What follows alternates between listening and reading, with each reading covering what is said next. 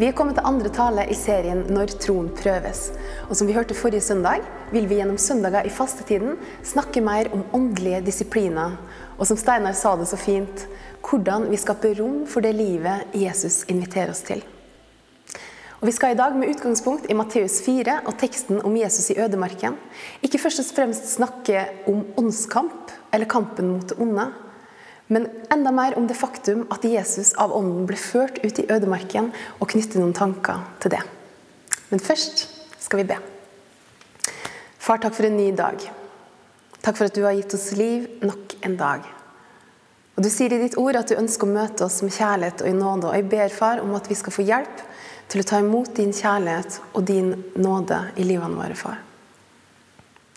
Gud, vi takker deg for muligheten for fellesskap. Selv om vi er spredt rundt omkring, så kan vi likevel samles foran skjerm i én ånd for å feire det. Og Gud, vi bare ber om at du skal være nær hos hver enkelt. Og at du skal sørge for oss og gi oss det vi trenger i dag, sånn at vi kan bli oppmuntra til å følge etter det med livene våre. Amen.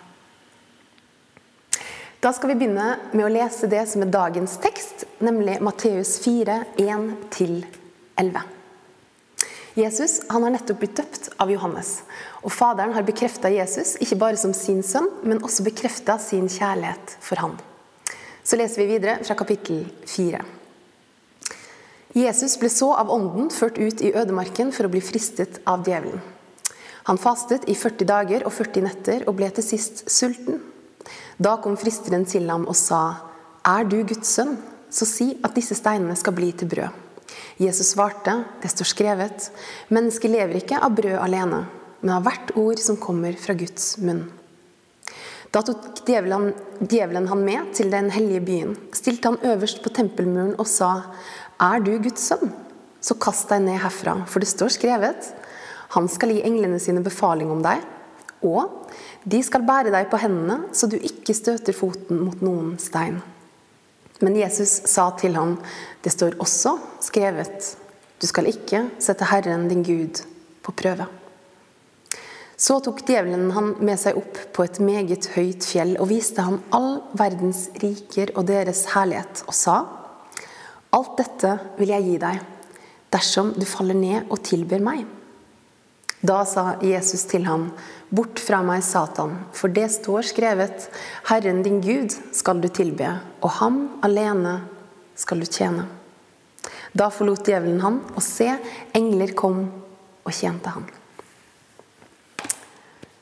Dette er en veldig metta og spennende tekst. Vi hører djevelen utfordre Jesus på tre ulike plan.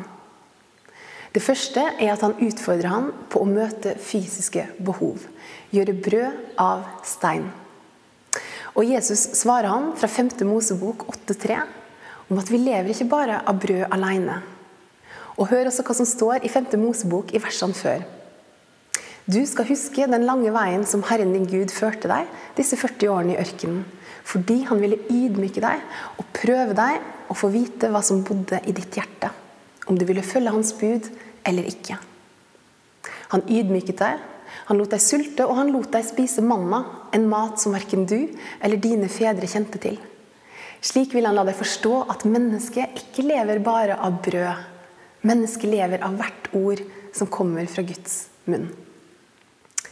Jesus svarer altså djevelen med å referere til at Guds folk har vandra i ørkenen før.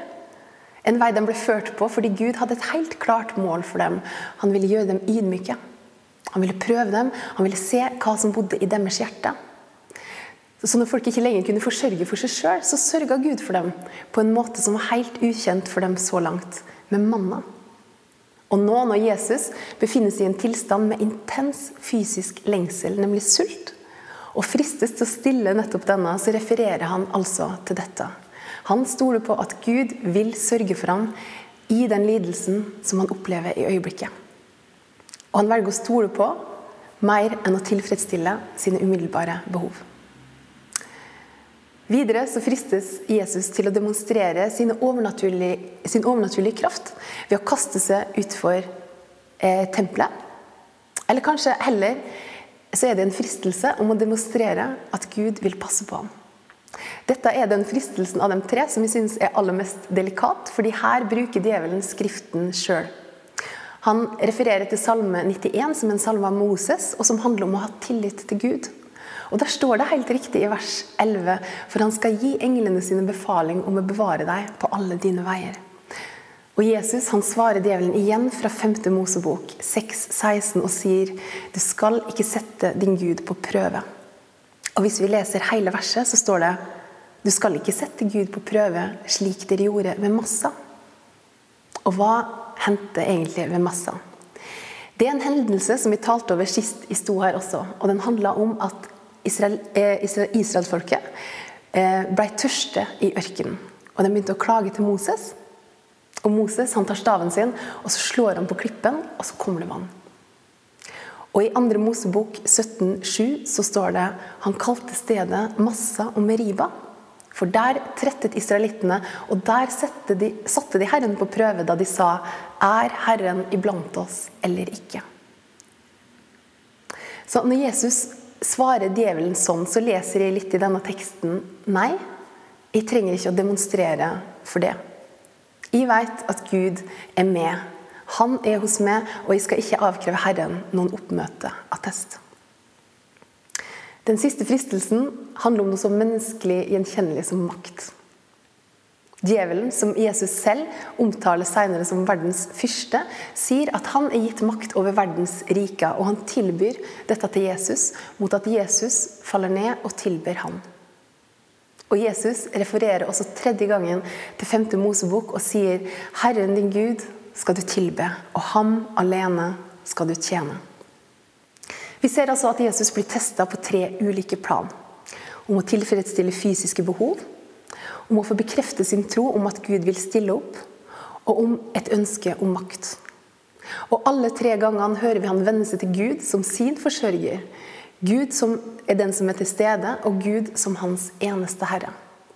Og Jeg tror ikke det er tilfeldig at det er ord fra nettopp 5. Mosebok som Jesus refererer til når han befinner seg i ødemarken. For 5. Mosebok oppsummerer på mange måter israelsfolkets vandring i ørkenen, og hva Gud viste og lærte dem der. Og Ved å referere til denne boka så viser Jesus at det som israelsfolket fikk innblikk i, det er sannheter som også holder han oppe i hans prøvelser. Gud ga israelsfolket et troverdig vitnesbyrd på sin vandring. Og Det handla bl.a. nettopp om at han sørga for dem, han var til stede, og at det var han alene som skulle tilbes. Og Dette er nå helt tydelige sannheter som også nå Jesus klamrer seg til. Og Dermed blir det sannheter som han både direkte og indirekte gir videre til oss fordi han også ber oss om å holde fast ved hans ord og følge i hans spor. Når vi leser i Bibelen vår, så ser vi at ødemarken er et sted hvor Gud mange ganger taler til mennesker. Det greske ordet for ødemarken er ermos, hvorav vi har ordet eremitt, f.eks., og det betyr øde sted, stille sted. Enda flere betydninger kan f.eks. være land som er ukultivert, eller et land hvor en ikke har mulighet til å motta hjelp eller beskyttelse fra andre mennesker. Ødemarken blir således et sted hvor Gud gjerne møter oss, også fordi vi i ødemarken, eller på dette stille stedet, inviteres til å gjøre oss sjøl avhengige av Gud. Men ødemarken kan også stille oss overfor valg om f.eks. å stole på Gud. Og Vi leser jo om at israelsfolket i øyeblikk valgte helt andre ting. Og vi hører i den teksten vi nettopp har lest, Jesus selv blir frista også til å velge andre ting. Så Idet jeg skal gå videre nå og snakke litt om stillhet i våre egne liv, så ønsker jeg å gjøre det helt klart fra starten av at det er ikke sånn at hvis du klarer å oppsøke et stille sted i ditt eget liv, så har du gjort hele jobben. Du skal ikke bli forbausa eller forvirra hvis også du på det stille stedet kan oppleve fristelse eller du aktivt må velge å stole på Gud. Men ødemarken, eller det stille stedet, kan bli en prosess, og det kan bli en vandring for oss. Slik som det var for israelsfolket, og slik vi nettopp har lest at det var for Jesus. Nå er det heller ikke sånn at mange av oss reiser 40 dager til et sted med ukultivert jordsmonn for å søke Gud. Og vi hører ikke Jesus gjøre tilsvarende i resten av sin tjeneste. Men vi ser derimot Jesus gang på gang aktivt oppsøke et stille sted, også midt i dager med intenst program og tjeneste. Kan vi klare å velge det stille stedet? Eller lage et sånt type sted i våre liv? Noen av oss har kanskje erfaringer med å reise på retreat. Og det har jeg sjøl også vært noen ganger. Og det er klart at Når du er på retreat med bagen pakka, borte fra hverdag, det stille måltid med dempa musikk, rolig tempo på dagen, ja, da kommer stillheten lett til oss. Men midt i hverdagen med kjas og mas og jobb og agenda og skjerm, så kan det være mye vanskeligere å finne disse stille stundene, disse stille rommene. Vi lever jo i en tid kjære venner, hvor det ikke er uvanlig at vi surfer på mobilen vår mens vi ser på TV. I år er det 20 år siden jeg hadde mitt første studieår i Bergen. Altså Helt i starten på det nye årtusenet. Og Da hadde ikke jeg laptop når jeg var student. Jeg hadde heller ikke smarttelefon. Og Min litt store Nokia den kunne, sende, den kunne ringe, og den kunne sende melding. Og Etter studietida så begynte jeg å jobbe, og etter noen år i arbeidslivet så fikk jeg en stipendiatstilling og begynte å forske. Og så Som en del av denne perioden i mitt liv så skulle jeg også ta et fag som var relevant for det jeg forska på. Dette var i 2014. Og jeg oppdaga da hvor utrolig krevende jeg syntes det var å være student og samtidig ha en smarttelefon ved sida av meg.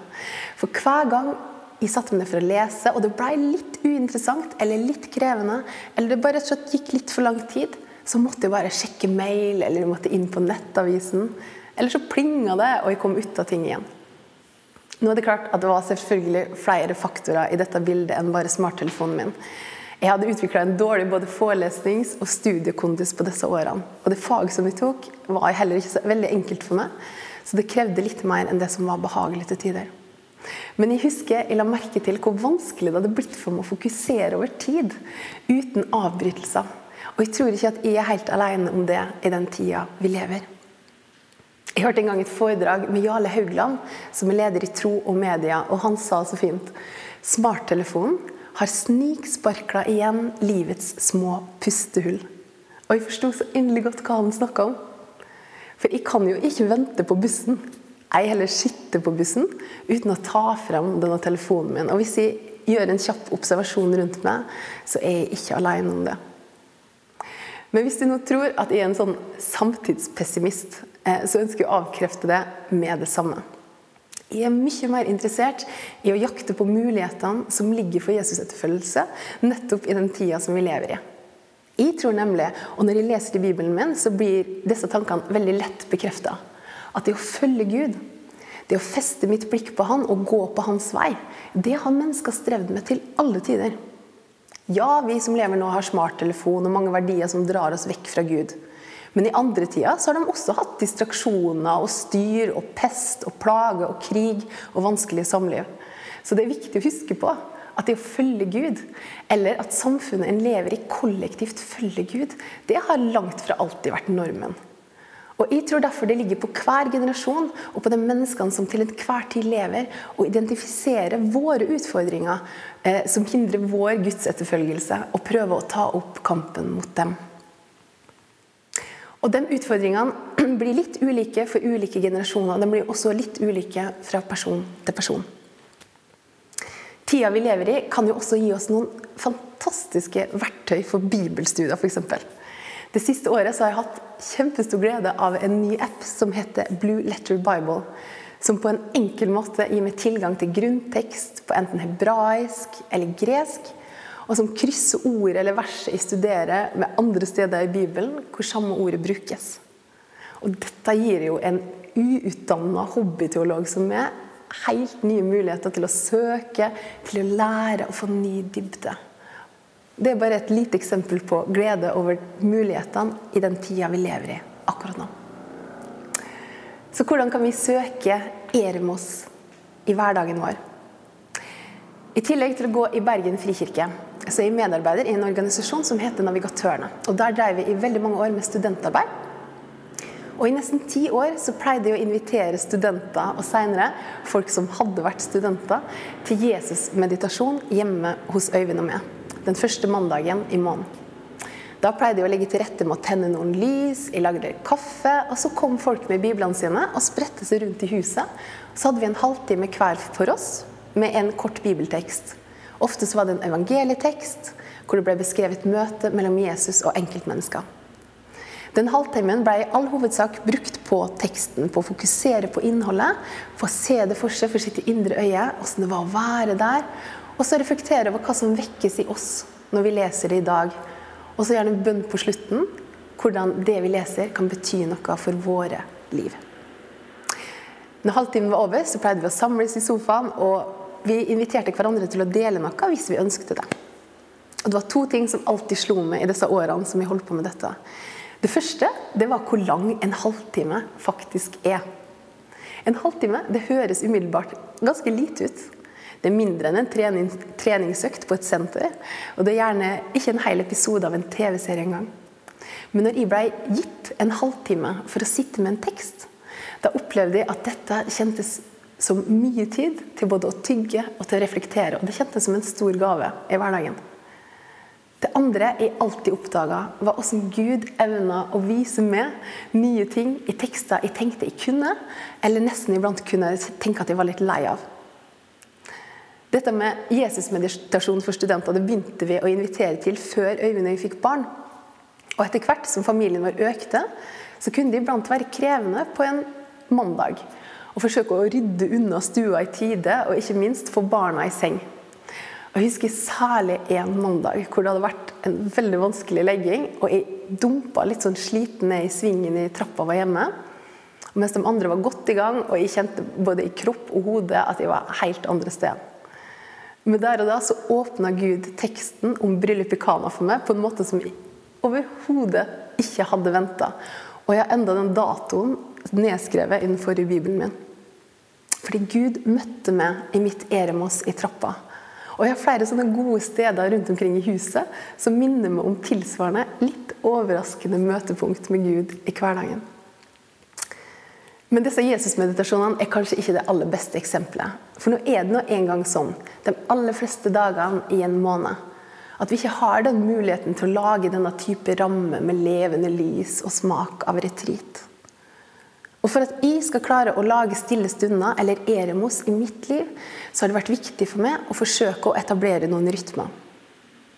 Og jeg tenker sånn at Hvis jeg ønsker å søke Gud regelmessig og hver eneste dag, da har det vært viktig å forsøke å identifisere de stedene jeg befinner meg hver eneste dag. Israelsfolket de bygde jo ofte alter, ikke sant? eller de reiste minnesteiner på steder hvor Gud hadde berørt dem. Dette var for å minne dem om det som hadde skjedd. Og på samme måte så tenker jeg at jeg har et behov for å bli minnet på Gud midt i alt det andre som roper på oppmerksomheten min. Et sånt sted for meg er når jeg har levert barna mine. Jeg leverer nesten alltid ett eller flere barn på enten skole eller barnehage. Og når de går ut derfra, så har jeg en mer eller mindre fast bønn som vi ber for ungene våre. Om beskyttelse for dem, at de skal eie en tro som tåler livet, at de skal være fylt av Den hellige ånd. Neste minnestein i min hverdag det er på vei inn på jobb. Der er jeg også hver dag. Og På vei fra Haukelandskrysset og inn på kontoret så ber jeg for dagen, for kollegaene mine, for pasientene mine og det jeg vet ligger foran meg av oppgaver. Men kanskje den viktigste minnesteinen i livet mitt det er den hendelsen å legge ungene. For det gjør vi nemlig også hver dag. Og det er da jeg har det som ligner mest på min hverdagsødemark. Da kommer jeg gjerne litt trøtt i øynene ned i første etasje. Og så må jeg forsøke å gripe Bibelen min på veien og lande i sofaen i stua uten å begynne å rydde på kjøkkenet eller plukke klær på badet. Fordi all livserfaring så langt forteller meg at hvis jeg begynner på noe av dette, da har jeg tapt. Da klarer jeg ikke å hente min igjen. Så jeg må nå sofaen. Og der kan jeg ha en liten verdifull stund hvor jeg leser og hvor jeg ber litt. Så min utfordring til det i dag, om du har rytmer for å søke Gud i hverdagen din, eller om du trenger noen nye, så er det likevel å tenke litt igjennom hvilke steder befinner du deg hver dag, og hva kan være dine minnesteiner for å søke Gud da? Og så veit du ikke helt åssen det er for det, men iblant kan i hvert fall jeg streve med å falle til ro. I et av de siste versene i Salme 139 så står det Prøv meg og kjenn mine tanker. Og når jeg i fjor kjørte dette verset gjennom appen jeg nevnte i stad, Blue Letter Bible, så, kjen, så lærte jeg at det hebraiske ordet for mine tanker var saraf eller sarapime, som betyr 'disquieting thoughts', som vi oversatte til 'bråkete tanker'. Det var et uttrykk som ga mye gjenklang i meg. Kjenn mine bråkete tanker. For det er ofte ting som står på for oss. ikke sant? Det er travelhet, bekymring eller annen stress som gjør at de bare ikke klarer å være helt til stede i meg sjøl eller hos Gud på en vilkårlig onsdag. Så nå tenkte jeg at jeg skulle gi deg en trebarnsmor to hurtigtips som jeg iblant bruker for å falle til ro. Hvis jeg kjenner at jeg er ordentlig ute å kjøre, så prøver jeg å lande i min egen kropp. Og jeg tenkte at jeg ville invitere deg til å bli med på denne øvelsen der du måtte befinne deg akkurat nå. Det første jeg gjør, er å si eller tenke på fem ting som jeg ser rundt meg i øyeblikket. For meg akkurat nå så blir det kamera, Simon som hjelper meg, vegg, lampe, bibel. Så går de videre og nevner fire ting som vi kjenner. Føtter mot gulv, hender mot hverandre, tyggis i munnen, litt stram nakke. Så setter jeg navn på tre ting som vi hører. Regnet utafor. Ekkoet av min egen stemme. Lyden av stemma utafor. Så navngir de to ting som i lukter. Det lukter litt innestengt luft i kirka vår. Og et hint av min egen parfyme. Og så navngir jeg én ting som jeg smaker. Og det er en ekstra tyggis. Når jeg er ferdig med dette, så kan jeg noen ganger kjenne at jeg har landa litt i det øyeblikket som jeg befinner meg. Og dette er en øvelse som er henta fra mer sekulære sammenhenger, som type mindfulness. Men mens jeg holdt på med dette en kveld, jeg var litt sånn distrahert, så ble jeg minnet på steder i Bibelen hvor vi inviteres til å bruke sansene våre. Og jeg skrev ned de første versene som liksom falt ned i hodet mitt, og da ble det noe sånn som dette. Lukk opp øynene mine, så jeg kan se det underfulle i din lov. Den som har ører med, hør. Smak og kjenn at Herren er god. Lev i kjærlighet slik Kristus elsket oss og ga seg selv som en offergave, en velluktende duft for Gud. Kom med fingrene dine og kjenn i hendene mine. Kom med hånden og stikk den i siden min, og vær ikke vantro, men troende. Se Guds lam.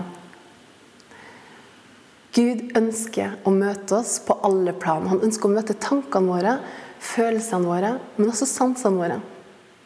Bibelen vitner tydelig om at han ønsker å velsigne. Han ønsker å opprettholde oss, han ønsker å gi oss vekst. Og jeg er hellig overbevist om at det er så mye godt vi ikke får henta ut mens vi løper omkring i hverdagen vår eller sniksparkler igjen ethvert pustehull. Den andre hurtigøvelsen min for å falle til ro, det er pustebønn. Og det stammer litt fra samme type åndelig tradisjon som Jesus-meditasjon. Og det å bruke pusten vår som rytme for bønn. Sjøl har jeg ofte brukt velsignelsen og prøvd å gjøre det til en bønn. Og igjen så vil jeg gjerne invitere deg til å være med meg på det. Da kan du puste inn, og så kan du tenke Herre, velsigne meg. Pust ut, og bevare meg. Pust inn. Herre, la ditt ansikt lyse over meg. Pust ut, og vær med nådig. Pust inn. Herre, løft ditt ansikt mot meg. Ut. Og gi meg fred. Hvis du trenger noe enda enklere, så går det an å bruke egentlig det meste du kan komme på, men eh, ting som bekrefter identiteten din i Gud, f.eks. kan du puste inn, og så kan du tenke ditt, og ut. Barn. Ditt. Barn. Og det andre jeg oppdaga, er at jeg personlig ofte trenger minst fem sånne pustesykluser før jeg kjenner at hverdagsstresset begynner å slippe. Det som er godt med denne øvelsen, er at pusten det er jo noe vi alltid har med oss. Så denne muligheten vi snakker om nå, den er alltid tilgjengelig for deg i hverdagen din. Til slutt så har jeg lyst å avslutte med en siste betraktning fra det stedet hvor vi starta, nemlig Matteus kapittel 4. Når djevelen frister Jesus med makt over verdens riker, hvis han bare faller ned og tilber han, så er Jesus krystallklar på sin lydighet til Gud. Det er en lydighet som senere fører han til korset og til å gi seg sjøl som et offer for meg og for det. Og når han etter sin oppstandelse fra de døde står framfor disiplene sine, så sier han noe sterkt. Han sier, 'Meg er gitt all makt i himmel og på jord'. Og For oss som da husker Matteus 4, så er det sterkt å høre at det som ble tilbudt Jesus gjennom fristelse, ble gitt ham i enda større monn av hans far pga. hans lydighet. Adam og Eva de klarte kun å motstå én fristelse. Nei, ikke det engang. Men Jesus han utholdt dem alle. Og Gjennom denne utholdelsen, gjennom denne lydigheten, så fikk ikke vi bare forsoning for vår synd, men vi fikk også en øverste prest som har medlidenhet med oss i vår svakhet. Så når du går inn i ditt eget eremos, så kan du gjøre dette med frimodighet, med fred og med glede. For alt er blitt ditt i Jesus Kristus. Må du i uka som kommer, ta Jesus som forbilde og leve ditt liv i tillit, lydighet og kjærlighet til Han som gir oss alt, og som elsker det med en evig kjærlighet. Amen.